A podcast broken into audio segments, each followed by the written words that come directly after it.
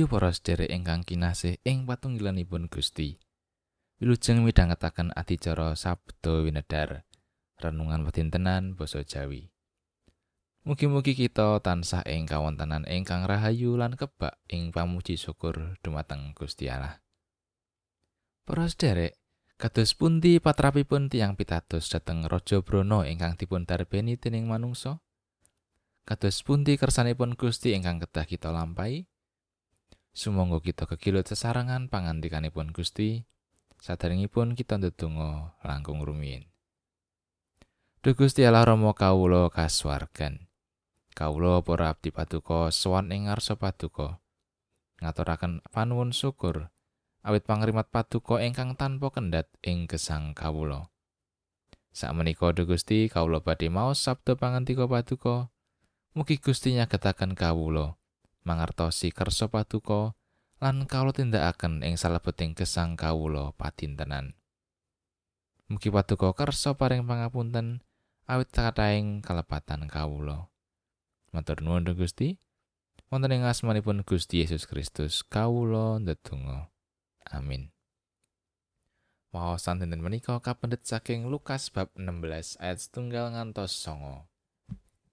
Injil Lukas bab 16 ayat setunggal ngantos songo. Ana maneh pangantikane Gusti Yesus marang para sakabate. Ana wong sugih duwe juru gedhong. Iku diwaduli menawa juru gedhong mau ngawut-awut barang darbee.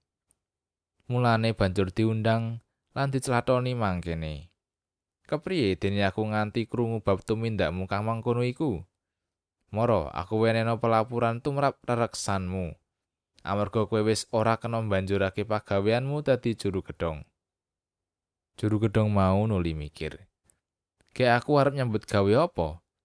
Aku dipocot anggonku dadi juru gedhong. Macul aku ora bisa ngemis aku isin. Yo, aku wis oleh dalan. Supaya menawa aku sida dipocot saka ing pagaweanku dadi juru gedhong, ana wong kang gelem ngukup aku ana ing omahe. Wong kang padha utang marang lurahe padha diundangi siji-siji. Wong kang kapisan diclatoni mangkene. Pira utangmu marang lurahku? Wangsulane, "Lisa satu tong." Banjur dikandani, "Nyo, iki layang utangmu." Linggiyo, gawe layang utang liyane, saiki uga kang muni 50 tong. Wong kang kapindho ditakoni, Lah kowe utangmu pira? Wangsulane wong mau.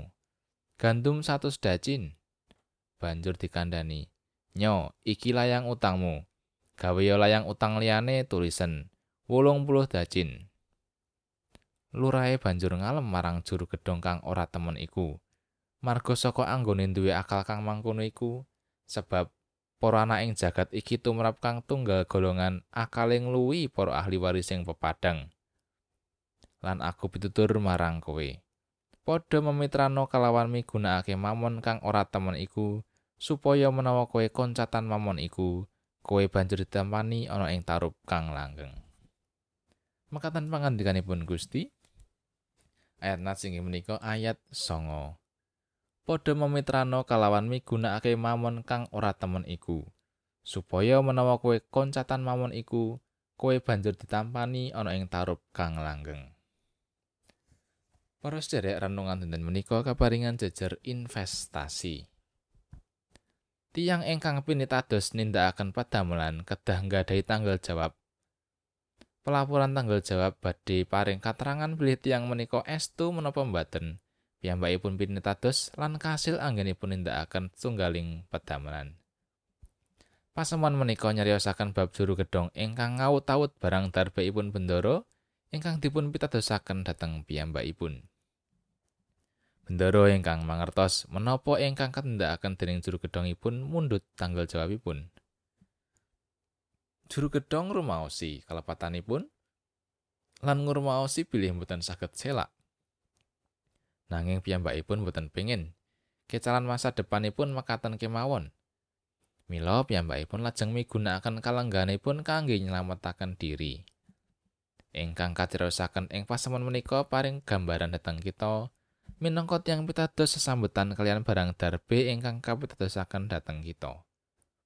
Boten wonten setunggal kemawon barang darbe ingkang wonten ing gesang menika mligi gadahan kita. Kita namung pinitados kangge ngrimat. Setunggaling wekdal kita badhe nilaraken sedayanipun. Mila nalika kita tasih wenang ing atasing mamon ingkang boten jujur, kita kedah migunakaken kangge mbangun sesambutan ingkang gadhahi kalanggengan. Menawi juru gedhong ingkang boten jujur kemawon mangertos migunakaken wekdal ingkang dipun gadahi kangge masa depanipun. Mila pandherekipun Gusti Yesus kedah langkung wicaksana anggenipun migunakaken barang darbeipun menawi kita pinaringan barang darbe ateges kita nggadahi tanggal jawab bab barang darbe menika. Anggenipun migunakaken dados ujian tumrap awat akan kita. Paedahipun tentu boten namung kangge dirinipun piyambak ananging tumuju dhateng kalanggengan. Kados pundi caranipun? Inggih menika kanthi migunakaken barang darbe kangge sarana martosaken kabar kabingan dhateng kathah tiyang. Amin.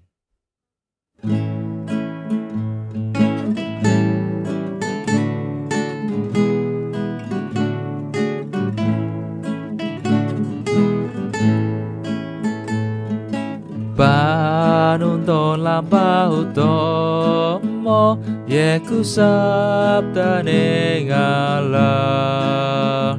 Ulang nomring prayatiro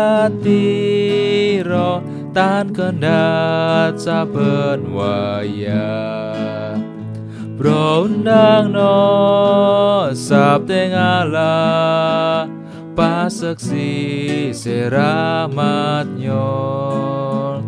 Amre samyo manggerarjo sinungan kesang nyoto.